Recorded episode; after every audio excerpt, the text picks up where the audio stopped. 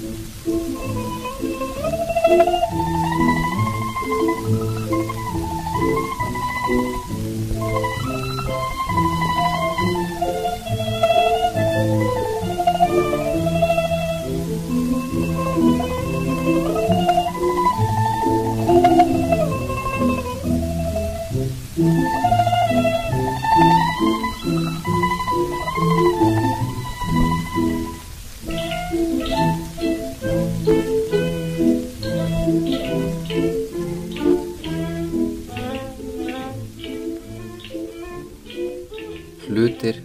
Hjarta mitt til að slá hraðar.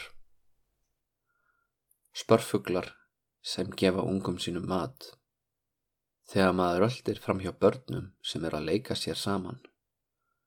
Að sofa inn í herbergi með reykjelsislikt. Að taka eftir því að örlítil móða hefur myndast á tígulegum kínverskum speigli. Að sjá hefðarmann stoppa vagn sinn fyrir framann hallarlið og fyrirskipa þjónum sínum að tilkynna komu hans. Að þrýfa sér og greiða sér um hárið, klæðast ilmandi fatnaði, jafnvel þó enginn taki eftir því, þá veitir slíkur undirbúningur manni ánægu. Þegar nóttin kemur og maður á vona á næturgesti, skindilega bregður manni við hljóðið þegar rektrópar falla hona þakið og vindurinn næðir millir glukkallerana. Þessi hlutir fá hjarta mitt til að slá hraðar. Í þættunum í dag ætlum við að kynast konu sem var fætt árið 966 og var í þjónustu keisræníu á tíunda áratug, tíundu aldar. Það er frá árinu 990 alveg fram að dauða keisarainjunar eftir aldamótin. Ástæða þess að við munum fjalla um hana er bók sem hún skrifaði, Makura no Soshi eða Kotta-bókin, bók sem ennþann dag í dag nýtur nokkura vinselda í Japan. Þessi bók er nokkuskonar dagbók alls konar hugrenningar, brandarar, pælingar eins og ég las hér á undan, listar koma fyrir ein, í henni, mikið að listum, uh, listi við hluti sem eru hræðilegir, listi við hluti sem eru góði, listi við hluti sem gerir fólk vandraðalegt. Uh, en þessi bók, ef maður lesa hana, þá fær maður nokkuð góða hugmynd um líf hvenna á heiantímanum. Það er að segja líf þeirra hvenna sem byggu í höllum, klættust silkisloppum og kerðum í vögnum Í kottabókinu eru þetta voðaleitið skrifað um konurnar sem byggu í kotum og þræluð á hrískróna ökrum en samt einhverða síður er þetta alveg ómetarleg heimild um lífið á þessum tíma og rétt sem að þann dag í dag er skemmtilegt. Eh, ég nefndi að þetta var nokkus konar dagbók, hún er ekki í krónológiskri röð, þetta er ekki í tímaröð og hún er ekki að reyna að segja okkur beinleins neina sögum Í rauninni er þetta frekar eins og að skoða svona Twitter fæslur hjá einhverjum sem er á Twitter eða Facebook eða eitthvað svo leiðis. Uh, að mörguleiti þá að það meira sammeilegt eitthvað slíkt frekar heldur en uh, en beilinni stagbók því að uh, margt að þessu var skrifað til þess að skemta öðrum. Aldrei þessu vant þá vitum við nafn konunar eða mjög líklega vitum við að hún hétt Kiyohara no Nagiko það er þó ekki nafni sem hún er þekkt undir, ég kem að því síðar. Eh, Kiyohara no Nagiko hún var dóttir fræðimanns sem nefndist Kiyohara no Motosuke og var minniháttar embætismæður og líka minniháttar skáld við hyrðina en hún Nagiko giftist svo Tachibana no Norimitsu þá var hún 16 ára að aldri og hún egnaðist með honum són og bæði eigin maðurinn og sónurinn urðu síðar einnig minniháttar tannhjóli stjórnsíslu ríkisins Hún Nagiko átti síðar meir eftir að eiga nokkra elskuga yfir æfina. Það verðist ekki að ángrað eiginmannanar sérstaklega. Það minnstu kost ekki með við það sem kemur fram í færslunum í kodabókinni.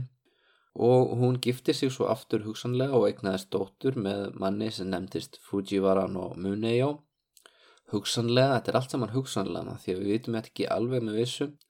En hún verðist að enda æfina sem nunna ekki óalgengt fyrir hefðarmenn og hefðargonur á þessum tíma að gangi í klaustru rétt fyrir döðan uh, en það var heldur ekki óalgengt að konur fóru í klaustur ef það vildi lifa aðeins sjálfstæðara lífi svona undir loka æfinar þegar börnin voru orðin fullvaksin og einmaðurinn kannski búin að missa áhugan. Nú þessi nöfn og þessar upplýsingar er eitthvað sem byggir á ágískunum sumir vilja meina að Tachibanan og Norimitsu sem kemur lítilega fyrir í kottabókinni hafi bara verið góður vinur hennan Akiko Já, ég skal ekki segja til um það, maður þarf að vera bísna góðu vinnur einhvers til þess að eiga bann með þeim, en ok. En já, uh, Kiyohara Nagiko er betur þekkt undir öðru nafni. Það er nafni sem ég nota restin af þessum þætti. Það er Sei Shonagon. Og Sei Shonagon, hún er önnur af tveimur frægustu skáldum heiantímans og sumi segja að enginn hafi korki fyrr nýja síðar skrifað betri japansku en hún. En af hverju kalli henn að Sei Shonagon en ekki Kiyohara no Nagiko? Nú, Sei er ein leið til að lesa fjölskyldunafnið hennar mörg svona kanji eða kínversk tákn sem notuður á japansku má bera fram á mismunandi máta. Sumir kanjiar hafa ekki bara einn eða tvo framburði, heldur jafnveg fjóra eða fimm leiðir til þess að vera lesnir á. Það er að segja maður svona lest á uppátt. Það er ekki endilega þannig merkingin er náttúrulega innbyggð inn í þessi tákn og svo getur alls konar merking uh, breyst eftir í hvaða samengi þessi tákn eru sett. En uh, sem sagt, Kiyo í Kiyohara merkir hreitt tær gufugur og það má finna hann í orðum eins og seishin eh, sem er ferskur og þá er það borðið fram sei. En í orðinu kjói sem merkir gufugur nú þá er framburðurinn eins og þið heyrið. Ekkert svo flókið. Eh, kjó er svona eh, japanski framburðurinn í þessu og sei er sennilega sá framburður sem kom til Japans frá Kína. Það er að segja þegar Japanin lærði þessi takk þá lærði þeir hvernig þetta lesið á kínversku og eh, taknið er sennilega lesið einhvers konar á einhvern þannig máta, seg, þótt að ég veit nú ekki alveg tónin sem ég á að setja í það en uh, þá veitum við það, sem sagt fröken Kiyohara, hún er kölluð seg líka því að það er einn lesning á takninu, en af hverju er hún kölluð Shonagon? Já, ástæðan fyrir því er ekki lesning á taknum heldur uh, tvær ástæður, karlremba og stjættaskipting Sjónágón var staða við hyrðina og fólkið sem bjó í höfuborginni var með þessa virðingaröð mjög svo á heilanum. Það skipti rosalega miklu máli aðna eh, hvar í kokkunaröðinni þú varst. Líka bara það hefur áhrif á hvernig fólk haga sér gagvart þér, eh, hvernig aðna þau tala við þig og svo leiðis. Skipti gríðarlegu máli og miklu mála klúður þessu ekki. Svo það er einfallega bara mjög gott að kalla konurnar eftir því í hvaða virðingaröð uh, eiginmenn eða bræður eða feður þeirra eru. Það er að segja ef fæðin er mikilvægur ráðgjafi þá smittast það yfir á þig. Nú sjónagón uh, merkir uh, svona minniháttar ráðgjafi.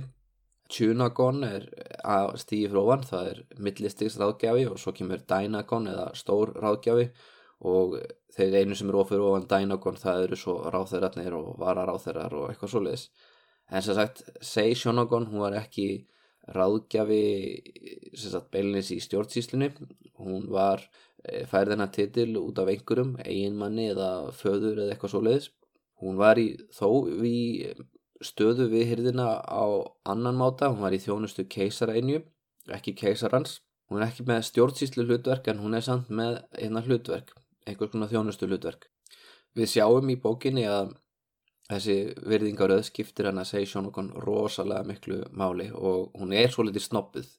Hún smjáðar af fyrir þeim sem eru ofar enn í tignaröð og lýsir lagra fólki með ákveðinni fyrirlitningu og þetta er svo hliðina sem er kannski minnst sympatísk allavega í augum okkar nútíma fólks en við þurfum bara að muna að heian er rosalega stjætskipt samfélag og keisarafjölskyldan þegar hún er að skrifa um keisaran þá með ekki glema því að hann er eiginlega heilagur þannig að það er ekki skrítið að hún sé svo litið að skrifa á þann máta.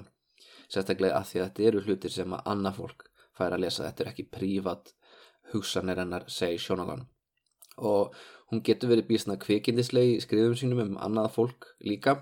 Til dæmis skrifur hún um eitt kall við hyrðina Masahiro er hlægilegur. Hvernig ætli það sé fyrir vini hans og fóreldra Ef fólk sér hann með sæmilega útlítandi þjóni, kallaðu á allt á þjónin og spyrja hvernig hann þóli að hafa svona herra og hvað hann finnist.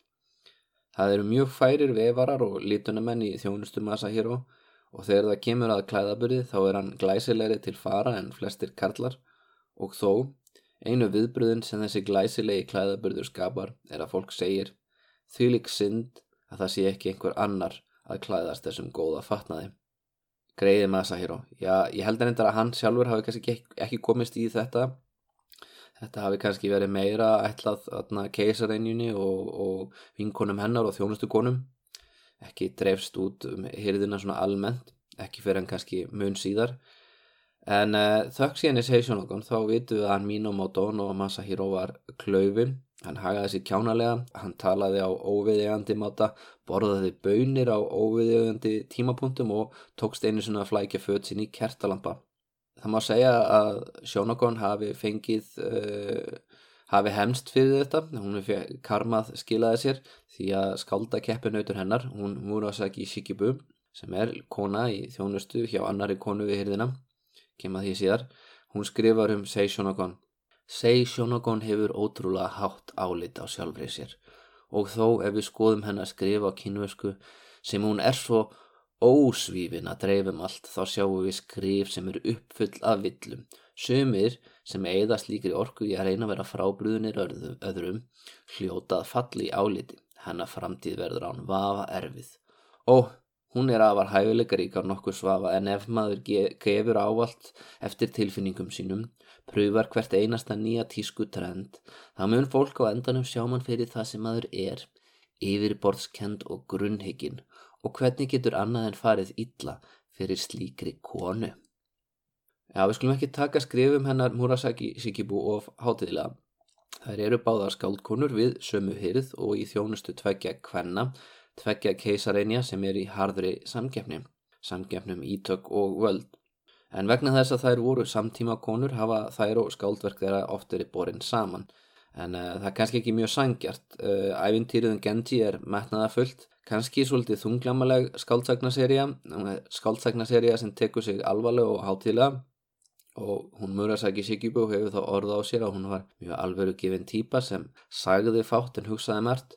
Sei Shonagon skrifar ekkert mikið um hana en Sei Shonagon er svona félagsverða. Hún... Uh, já, hún er að milli tannan á, á fólki og, og hikar ekki við að rífa kjáft við kallmenn við hyrðina, gaggrína þá, gera grína þeim. Það sem hún er að skrifa er ekki svo mikið skáltsa, þetta er miklu frekar í andaðis að vera blogg, jafnvel bara status á Facebook eða Twitter og gaman samar aðtöðasendur við það sem er að gerast í kringum hana, svo við tökum hérna dæmi. Prestar ættu að vera laglegir. Ef við eigum að fyllast göfugum kendum ættu við þá ekki að geta haldið augum okkar á predikarnum á meðan hann talar. Því ef við horfum eitthvað annað þá gætu við endað því að gleima að hlusta. Svo ljótur og ólaglegu prestur gæti þannig orðið uppspretta mikillar syndar. Það er svolítið erfitt að þýða buddísk haugtöku yfir á íslensku því að við erum með tungumál sem mótast af kristni og syndin er nokkið alveg það sama í kristnum og buddískum skilningi en einhvað síður, segi Sjónakon, hún á eitt sameigilegt með miðaldakonun í Evrópu og samöld. Það er ætlast til þess að hún uh, setjist niður og hlusti á helga menn um, útskýra sannleikan og útskýra það út frá, uh, já ég menna, tekstum eftir löngu dauða menn og þetta getur verið þurrir og langir tekstar auðvitað og, og hún eh, skrifar þarna í kannski góðu gríni að kannski væri aðeins auðvöldar að átta sig á sannleikanum ef að hofpresturinn væri kannski pínulítið aðlaðandi. Og þarna svona álitleira að horfa á. Skemmtilegra að horfa á, já. Þannig að, já, prestar þess tíma var sannleik ekki verið neinn kyntákn og að sitja undir svona predikun ég hugsa að það hefur verið jafn gaman í Evrópu og Asju á þessum tíma en svo er það hitt dæmið sem ég lofaði uh, þetta sinn um kött.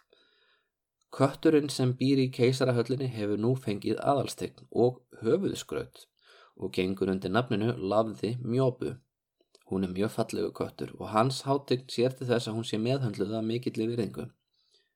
Dag einn röldi hún út úr höllinni og upp á pall og þjónustu konan Lafði Uma sem hafi verið falið að annast köttin kallaði á hana Komdu aftur inn, óþægtarangi, komdu aftur inn.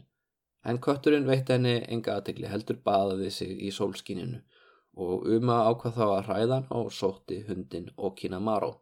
Okinamaro, hvar ertu? Kottu hérna og byttu eh, og býttu lafði mjópu. Kjánin Okinamaro held að lafði Uma var í alvara og hljóp út og lafði mjópu sem var skelguð og byllt við flúði inn keisaralega matsal þar sem svo vildi til að keisarin sjálfur satt. Keisarin greip köttin sinn undanandi og hjælt henni meðan hann bóðaði þjónustulið sitt inn. Þegar Tatakata hýrðmeistari byrtist fyrirskipaði hans hátegna og Kinamaro skildi sendur í útleið til hundaeigunar. Síðan skammaði hann þjónustukonuna. Við munum finna einhvern annan í að gæta kattarins. Mér finnst ég ekki geta treyst þér lengur, sagði hann og lafði uma neyði sér djúft.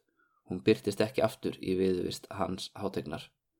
Það er rosamart í þessari sögu sem við þurfum að setja í samengi. Það er greinlegt allavega að keisarinn er meiri kattamaður en hundamaður.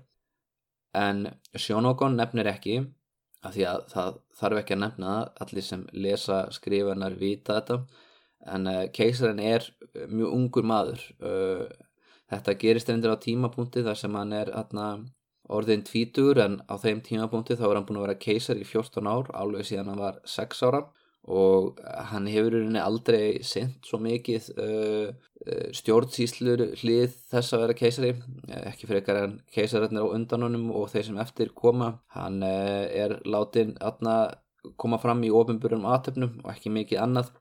En uh, tilfinningin sem ég fæ að þessu manni er að þetta sé kannski ekki mjög alvöru gefin maður, ég veit ekki það er eitthvað við, aðna, við þessa refsingu og, og þennan kött En uh, refsingin að missa stöðuna við hyrðina sem þessi greið kona, hún lafði um að þar að þóla, hún er svolítið mikil sko, hún atna, fer í ónáð. Og Okinamaro sem greið sem virðist bara hafa gælt á köttin og hrættan aðeins, hann var hittur, segi Sjónakon hefur í kaplunum ágjörað í hansi dáin að því að keisareinjan sem hún er þjónusti á, hún hjælt upp á þennan hund og líkt keisaranum og uh, Okinamaro var barn íllilega og hend úr höllinni en sagan endar þó vel því það byrtist flækingshundur sem minnir á Okinamara síðar í kaplanum og keisarreinin og þjónustukonur hennar eh, þar með talið, segi Sjónokon þær, þær komast að þeirri niðurstuðu að þetta hljóti að vera hann Okinamara og eftir svolítið þref þá fæst keisarin loks til að náða hundin formlega. En hann er sendur í útlæð og, og, og, og hann er náðaður og og laði mjóbói er í alvörinu með aðalstegn og það er ætlast þess að það sé komið fram við hennan kött eins og hann sé aðalsmaður. Og hann er líka með svona höfuðskraut þar að segja hann er með svona lítinn uh, hatt á kollunum sem er mín í útgáfa þeim hatti sem embætismenn við hyrðina hafa. Mjóbói er formlega með aðalstegn og klættur þannig. Og þannig þá vitum við það að keisarin létt klæða köttin sinni í búning og þetta er gott dæmi um hluti sem við myndum ekki vita nema ef við hefðum kottabókina því að kottabókin segir okkur svona smá atriði. Hún, eh, við fáum tilfinningu fyrir personum sem eh, er alveg að sopna í pretikun og hugsa með sér að það sé, væri skemmtilega ef presturinn var í það minnsta laglegur. Og við kynnumst dreng sem heldur mikið upp á köttin sinn en annars myndum við bara þekkjan sem Ichijo keisara.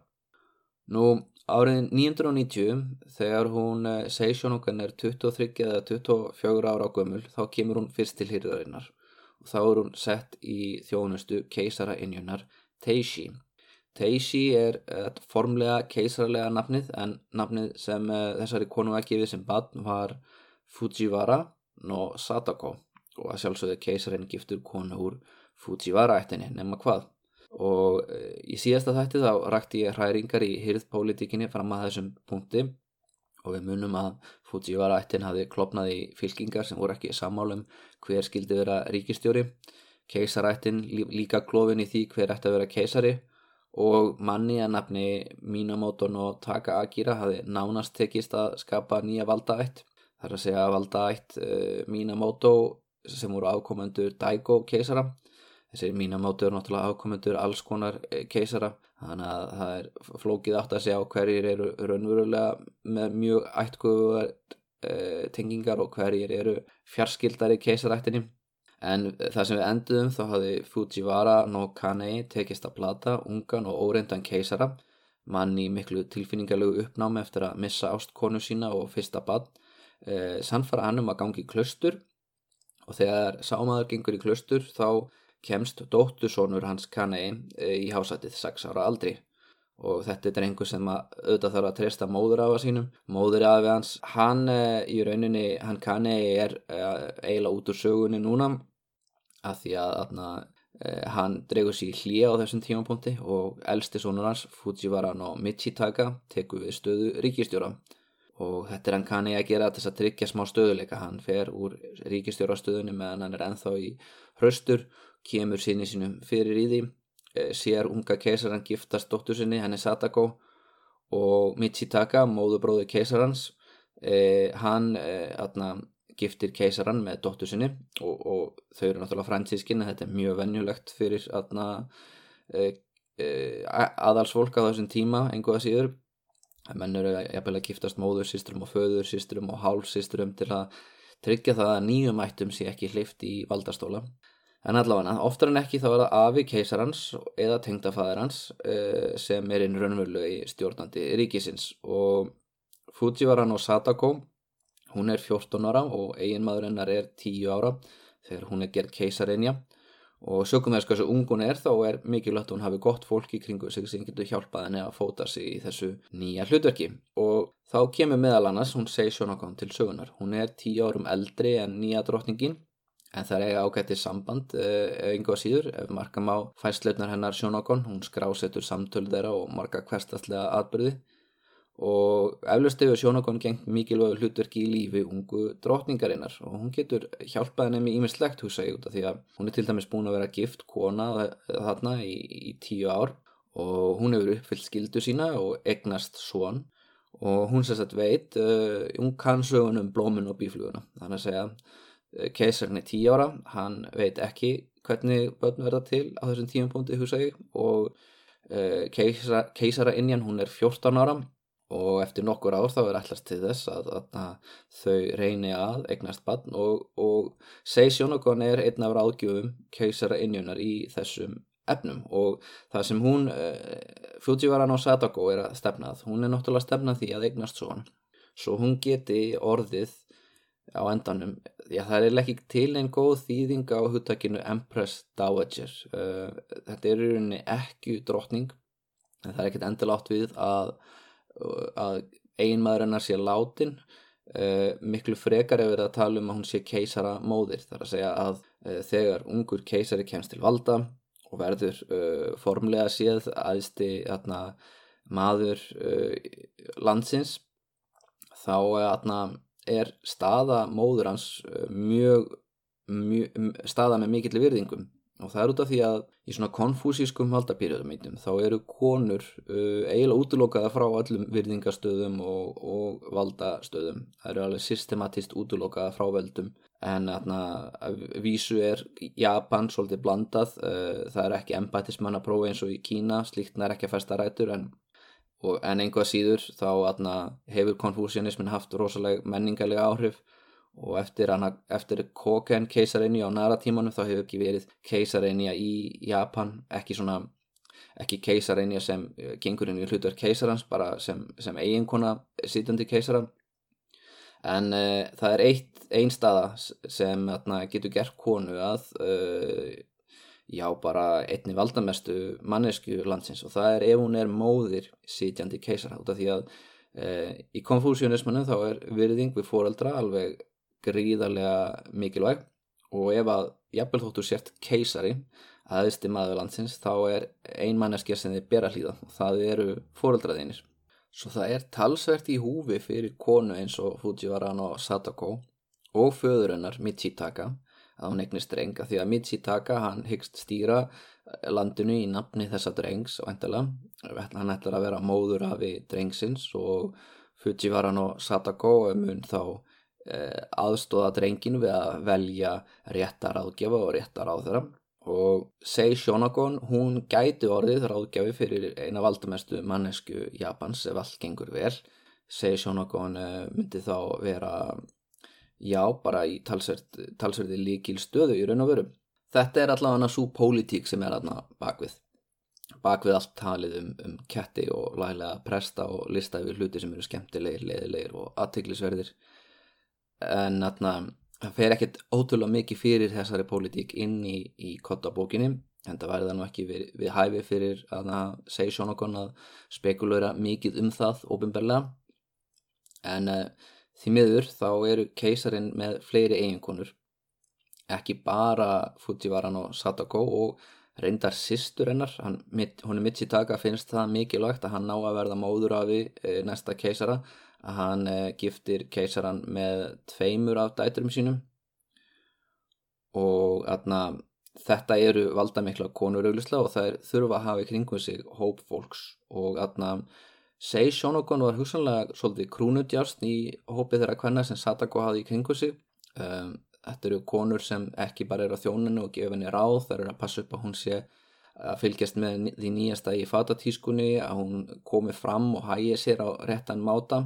Og Seisjónokon hún þótti skarpskign, nittinn, gáfuð og með fljót með tilsugur og svona og að hún hefur kannski verið mjög mikilvæg ráðgjafi keisarenjunar um bara hvernig hún á að tjá sig, hvernig hún svarar ef einhver yrkir ljóð og sendir henni eða eitthvað svoleiðis.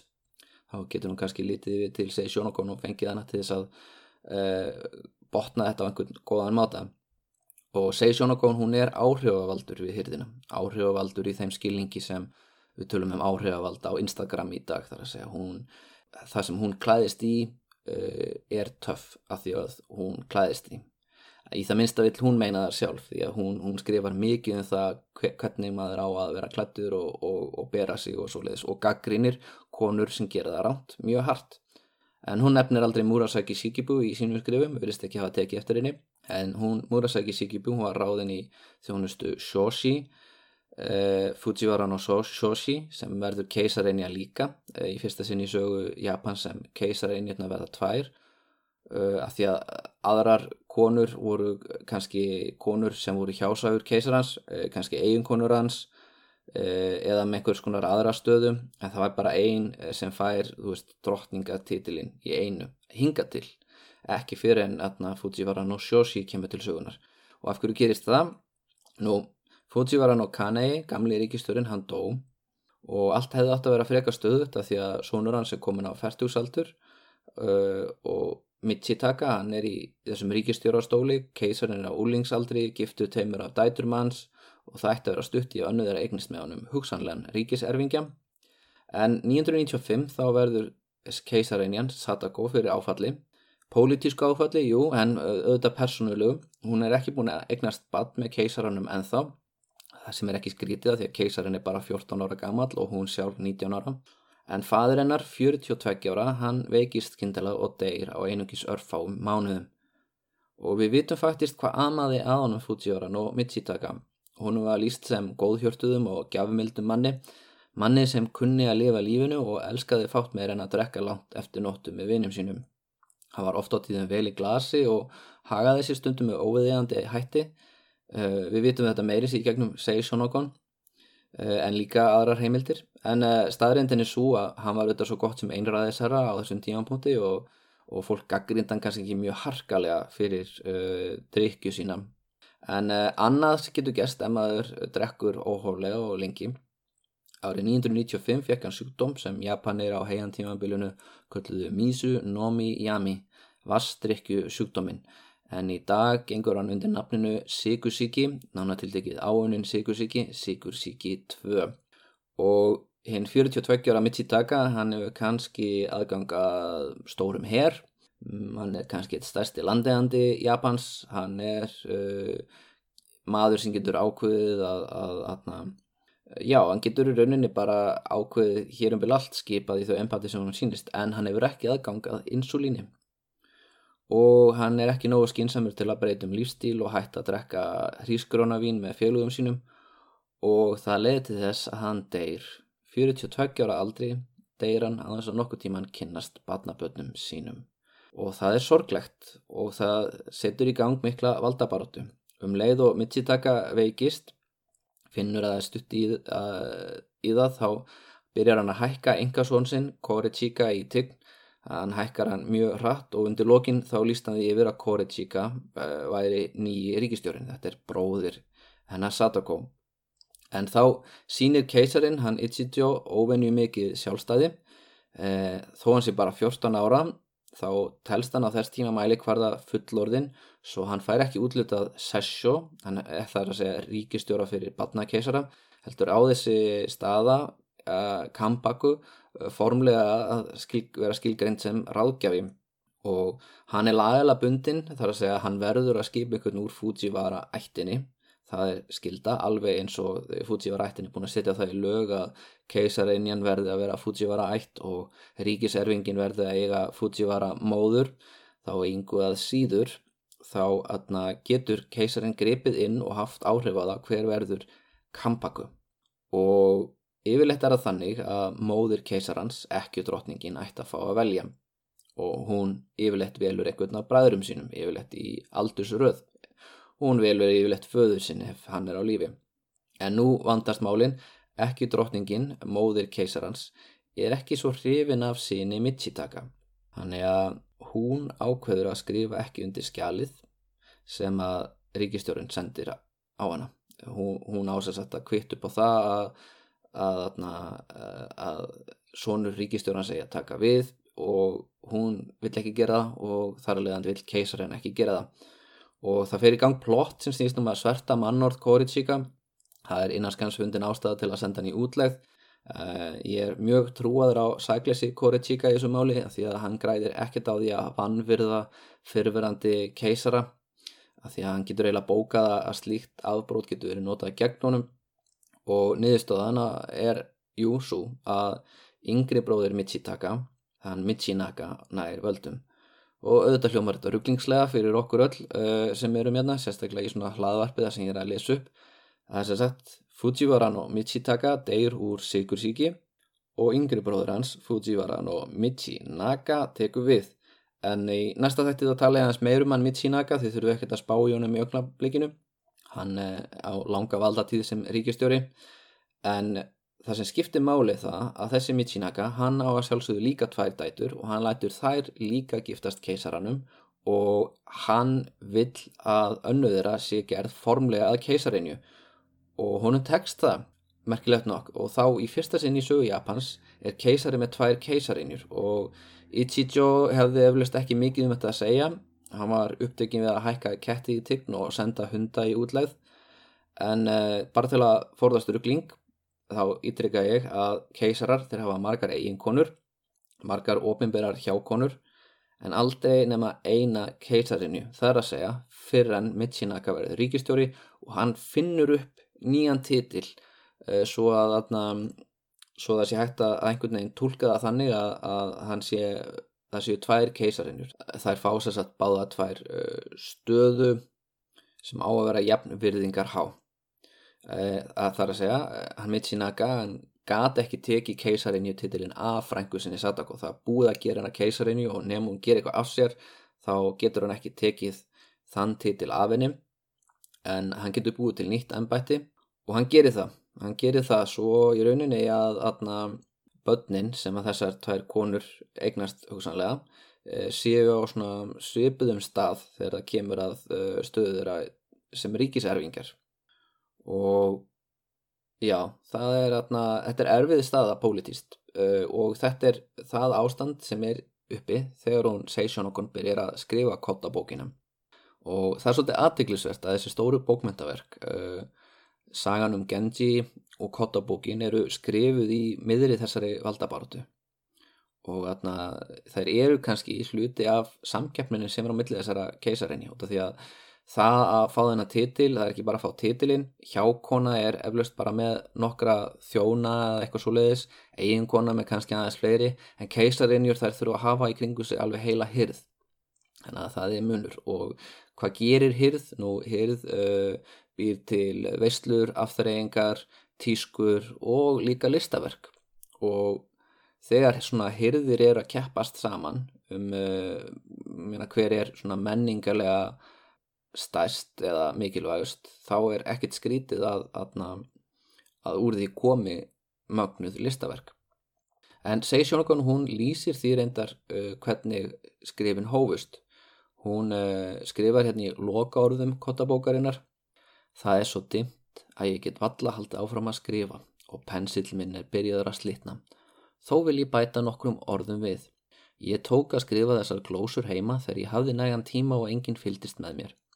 Allt sem ég sá og allar tilfinningar sem ég uppliði eru hér, en fyrst að margt í þessum nótum gæti verið álitið rætið og jafnvel skadalegt þá held ég bókminni leindri. Og nú er hún orðin ofinber sem er það síðasta sem ég bjóst við spurning hvort að þetta sé einlægni eða hvort að sjónokon sé að gera sér upp hóvarð en hún heldur áfram. Dag einn byrtist Korechika ráð þeirra miðjunar og bróðir keisareinjunar með bunga af pappir Hvað á að gera allan þennan pappir spurði hennar hátign mig. Þetta átt að fari að skrifa upp nýtt handrit af skrifum Suma Tjan en keisarinn var nú þegar búin að gera slíkt handrit. Þá saði ég Lofðu mér að gera úr þeim kotta það er hérðan sem bókin hennar uh, segir sjónokkan fær titilsinn en uh, þið taki eftir að þessi atbyrður er greinlega áður en Kori Chika var sendur í útlegð en ekki laungu eftir að fadur hans veikist alvarlega. Hann er byrjað að hækka svon sinni í tygg hann er orðin ráþara miðjunar bísna hátt sett staða fyrir svona ungan mann. Annað atriði sem væri til í að þið myndu muna fyrir næsta þátt eh, úr þessari málskæðin og það er nafnið Suma Chan. Ég er reyndar búin að nefna hann áður, þessi kínueski sakfræðingur var nefndur í fjörðaþætti þessa hlaðvarps. Eh, hann var sakfræðingur á hann tímanum sem var að skrifa það sem hann hugsaði með sér að veri saga heimsins. Var stramt til tekið bara saga Kína frá miðbyggi bronsaldar fram á hjártnöld en eh, þið muni kannski að hann var gerður að geldingi í refsingaskinni fyrir gaggríni á stjórnvöld. En rítið hans annálar hins mikla sagnaspekings eins og það er kallað í Kína og Japan það mun koma við sögu í næsta þætti eins og þið skuluðu reyna að taka eftir því og muna nafnið Suma Chan. Og nú var ég með fullta pappir við hendi svo ég byrjaði að fylla stílabækur mína með ymsum sögum og lítilsverðum staðrindum ég þóttist vissum að ef fólk sæi bókina mína myndið að segja og þetta er jafnvel enn verra en ég átti vona á. En mér til undrunar hafa lesendur sagt að ég geti verið stolt af skrifum mínum. Hvað svo sem þýliður þá sé ég eftir því að þau hafi lekið út. Já, þessi lokakabli í bók Seisjónokon sem lýsi því hvernig hún fær pappir frá eh, keisarinjunni Gefins og hvernig hún sjá eftir því að þetta hafi farið í dreifingu. Hún hafi ekki haft vonað að þetta verði svona vinsælt. Uh, ég held að við sjáum að þessi hóvar þessi pínu finnst svona, það er svona pínu Donald Trump í þessu. There are many people saying this, my book is great, many people are saying this. En uh, við skulum ekkert álasenni fyrir að vera kókraust uh, þótt að Murasaki Shikibu gerir það. Uh, svo staðrind að segja svona okkur hefur pínu sjálfströst og svolítinn hróka er hluti af sjarmanum við verkið. Uh, það er það sem gerir hann að óvinnulegri konu. Þetta leifir henni að hafa skoðanir á hlutum og hún kommentar svo mikið að, að, að já, hún kommentar á eiginlega allt í kringu sig og, og það er það sem er, er, er svona vinsælustu pastarnir úr þessu og ég ætla hérna til dæmis að lesa uh, tvær fæslur sem eru hlið við hlið og varða bara álítunar á dýrum. Nítjánda fæsla. Uksar ættu að hafa lítil enni með hvítum hárum, hviðurinn, neðsti hluti lappana og endurinn á hölum þeirra ættu líka að vera hvítur. Ég kann við að hestar séu rauðir á litin, brúnskjóttir, steingráir eða brúnir. Ég kann einni við þá sem hafa jarpanfeld og ljóst fags og tagl, helst svo kvíkt að það minnir mann á mórberja þræði. Best kann ég við ketti sem eru svartur á bakinu og kvítir annar staðar. 20. fæsla Ögumenn á uksakerrum ættu að vera stórvaksnir og gráhærðir, kinnarnar ættu að vera rjóðar og þeir ættu að vera gáulegir til ögnana. Fyldar fólk hefðarmanna ætti að vera grannvaksið. Ég vil líka að herramennir séu í mjörri í kantinum í það minnsta þegar þeir eru ungir að aldri. Bústnir menn líti alltaf svo sivjulega út en vikapiltar ættu að vera smávaksnir með fallegt hár, hár sem hengur óflétta þannig að það snertir lauslega nakkan þeirra. Rattir þeirra ættu að vera þægilegar áhernar og málfar kurtisislegt, það er merki um góðan létta dreng. Já, hvað svo sem okkur kann að finnast um session okkur, þá getum við bókað það að hún myndi fljótt mynda sér skoðun á okkur og setja í einhvern flokk. En frægustu kaplar bókarinnar eru listatnir sem hún gerir og hér er til dæmis e, nokkrir sjálfgefir hlutir. Tengdasónur sem er rósað af tengdaföður sínum. Ung tengdadóttir sem er elskuð af tengdamóður sinni. Silfurtöng sem er góði að plokka hár. Þjótt sem talar ekki illa um herra sinn Manneskja sem á engan hátt er sérvitur eða ófullkominn, yfirbörða manneskja á öllum sviðum og fer nökralust í gegnum lífið. Óviðeigandi fyrirbæri. Ljót handskrift á rauðum pappir, snjór ofan á húsum almennings, sér í lagi þegar hann glitrar í tungsljósi, lagleður maður með ljóta konu. Glæsilegi hlutir. Hvít kápa pörð saman með fjólubláu vesti, andaregg, skafaður ís með líanasírópi í nýri silfur skál. Já, þetta er bara brota því sem er inn á þessum listum og eh, ekkert endilega í réttri röð, ég bara tók svona nokkra hluti sem ég fannst aðtiklisverðir en ég þarf að auðvitað að skýra nokkra hluti út en það eru þúsund ára á millu okkar og hann segja svona okkur En sumt er ennþá den dag í dag í nútímanum í Japan.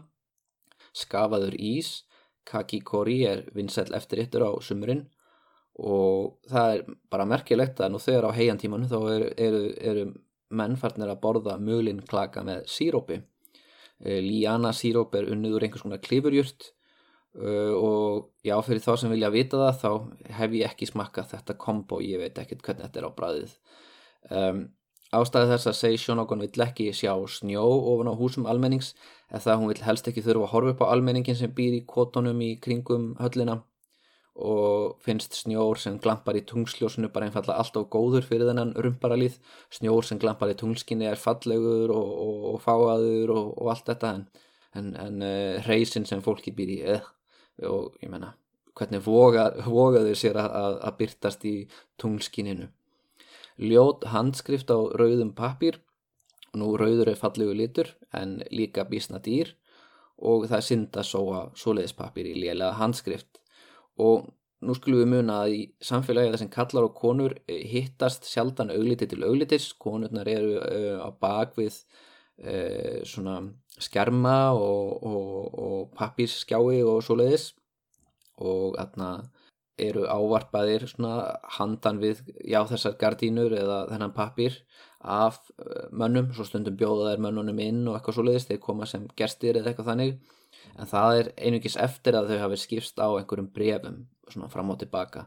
Og þá er handskriftin e, ígildi þess að sitja flotta mynd af sjálfur sér inn á Tinder eða einhvers konar stefnumóta síðu allavega að næsta sem heian samfélagi kemst því. Þannig að þá, já, hugsið ykkur það að atna, það er ekki myndir af mönnum sem atna, halda á uh, hjólum standandi upp á einhverjum tindum að monta sig að því hvað þeir eru atna, massaðir, heldur eru mennin bara að vanda sig við það að skrifa já, fallega línur. En uh, höldum áfram með listana. Nú er þetta frekar handahúskent hjá mér. Þunglindislegi hlutir. Hundar sem góla á daginn, herbergi þar sem börn hafa dáið, ögumadur sem hatar uksana sína. Þegar maður hefur skrifað bref og færðað aftur tilbaka krumpað og óopnað og sendibóðin segir að enginn hafi verið heima. Ó, hveð þunglindislegt. Hluti sem ég hata. Þegar maður er að drífa sig en gesturinn heldur áfram að bladra og bladra. Þegar maður er að fara að heyra gott slúður og skindilega byrja að batna að gráta.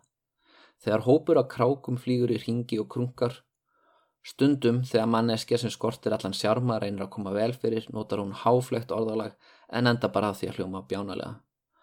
Ég hata þegar menn er að drekka og æpa og tróða fingrum sínum í munnin sinn, strúka skeggin sín og rétta vínið til sætisfélaga sína æpandi, hérna fáðu þið meira. Þeir hristast og skjálfa, gretta sig og haga sig eins og krakkar syngjandi, við erum að fara að hitta landstjóran. Já, hér uh, þurfum við kannski aftur smá skýringu. Uh, flestar drikkjuverslur í höllinni áttu sér stað þegar ríkistjórin Fujiwara no Michitaka eða Artagians Fujiwara no Michinaka uh, eitt af hluturkum þeirra var að hveðja nýskipaða landstjóra sem er á leiðin út í sveita hérðin. Þá hittast embætismenn í hallarsölunum og drekka vín, yrkja ljóð, skála fyrir hvorum öðrum og Eins og þann þá var Fujiwara no Michitaka, fadir keisareinjunar sem að segi Shonokan þjónaði, var með orð á sér að vera svo litið blöytur. Þannig að já, en svo er annað einna inn á þessum uh, lista yfir þunglindislega hluti, eða hluti, hluti, hluti fyrir ekki, þetta er inn á listanum yfir hluti sem uh, hún hatar og hann segir okkur margt um, já, já heilbriði sjónustu þess tíma. Ég hata það þegar einhver hefur skindilega orðið veikur og kalla til sín særingamannin. Fyrst særingamadurinn er ekki heima þarf að senda vikapiltana til að finna hann og eftir langa byggð kemur hann loks og maður andar aðeins léttar og byggður hann um að fara með töfraþulutnar fyrir þann veika. En svo kemur í ljós að særingamadurinn er búin að vera að sinna allt á mörgum sjúklingum í dag og hann er alltaf búin að koma sér fyrir þegar röttin hans verður sifjuleg. Ó, hve óþúlandi. Já, það eru fjölmarkir aðri listar í bókinni, hlutir sem aður skammast sín fyrir, hlutir sem fá hjartað til að sláhraðar, hlutir sem fá mann til að hitna, hlutir sem fari í töðunar á mannin. Þetta er ekkit allt neikvæði hlutir. Hérna er til dæmis listi yfir glæsilega hluti, inn á honum þá nefnir Seisjón okon kríningaratöfn nýrar keisareinju.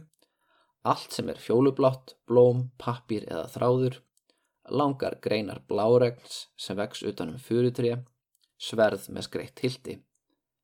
Indislegir hlutir. Barns andlit teiknað á melónu, spörfuglsungi sem kemur hoppandi þegar maður líkir eftir músartísti, barn sem skrýður, ungur vikapiltur sem er enþá lítill og samt í hyrðbúning, lótus lilja sem maður tekur upp úr tjörn til að verða nánar fyrir sér. Já, þetta eru augljóslega uh, listi sem er miklu fleiri atriðum inn á. Innihald bókaran er miklu meira en, en ég fæ komið inn í þennan þátt. Það eru sögur, slúður, lýsingar á mannfólki, lýsingar á listaverkum inn í höllinni. Það er eitt kapliða sem hún er að lýsa vegmynd uh, sem er bara, já, frábært að fá lýsingu á vegmynd sem er ekki lengur til. Það eru frásagnar um hnittinn tilsvör og brandara, við fáum insinn í hvað heian fólkinu finnst fyndið. Og líka smá um ástarlíf skáldkonunar sem skrifar um uh, örlítið stormasamt samband millir sín og embætismanns sem gekk undir nafnu Tatanóbu. Tatanóbu er ofta dömpenni og svo vill hann byrja með henni aftur, veit ekki alveg hvað hann vill. Og atna, það er forvitnilegt uh, að atna, heyra sko, hvað ráð þeirra hægri sinns, ráð þeirra vinstri sinns, miðráðgjafi og ríkistjóri Eh, eru að segja við keisarinjuna því að keisarinjan er að tala við þessa menn og segir svona hvað hún situr og er vittni að því. Hún skrifar, þetta er vittnisspurður hennar og eflaust þá sínur hún uh, sjálfa sig í því ljósa, hún sé alltaf mjög gáðuleg og, og skemmtileg og, og svo sínur hún eflaust líka keisarinjuna í mjög jákvæðu ljósi. En, uh, en það er einhvað síður, uh, þetta lítur að hafa verið pínulítið líkt þeim samtölun sem áttu sér stað af því að Eh, samtíma menn hennar lásu þetta og, og hef, hefðu eflust séð í gegnum það ef hún væri aðeins og mikið að íkja en eitt, árið 1001 uh, sex árum síðar þá kláraði segi Sjónokon verksitt og síðan þá hefur bókin verið í miklu metum í Japan eiginlega aldrei dóttið úr tísku það er bara einhverju leiðenda munkar og móralistar stundum reyna þeirra að gera lítið úr henni og, og það perða á sérstaklega kaplinn þar sem hún talar um að prestar mættu nú vera öllítið lagleri en maður á að fylgjast með og, og ekki frestast uh, eh, segi Sjónokon drósi í hlið eftir andlát keisara innjunar uh, því miður þá dó hún Fujiwara no Satoko uh, allt of ung. Hún dó stutt eftir hún fætti þriðja barn sitt. Bara 24 ára gömul en uh, svo stúlka, prinsessan Bishi, lést svo einugis sjö árum síðar. Sónur keisarinnjunar, hún átti einn són og tvær dætur, hann náði ekki að erfa ríkið en þá var móður af hans dáin og, og það var enginn til að styðja hann í valdabártunni og hann lést einungist tvítugur að aldri.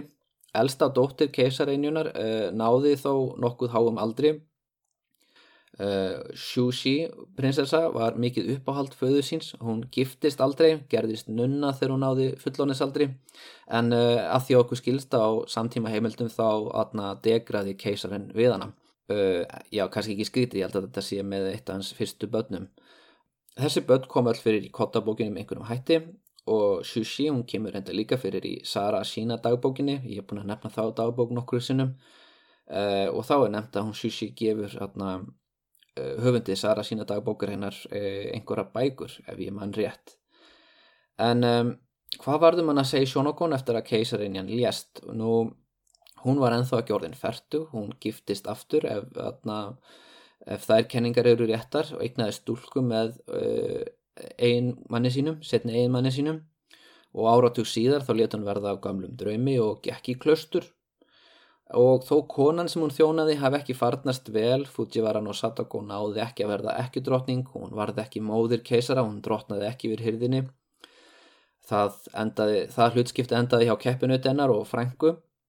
Eh, einhvað síðum á að segja að Ævi segi svona okkur hafi verið, uh, já bara svona nokkuð gott dæmi um, uh, já ég ætla ekki að segja framapótara, hún var það ekki neitt, uh, ég ætla að segja bara að hún hafi átt mjög góðan feril, hún átti bara svona eins góðan fyrir og hægt er ætlast til af aðalskonu á þessum tíma.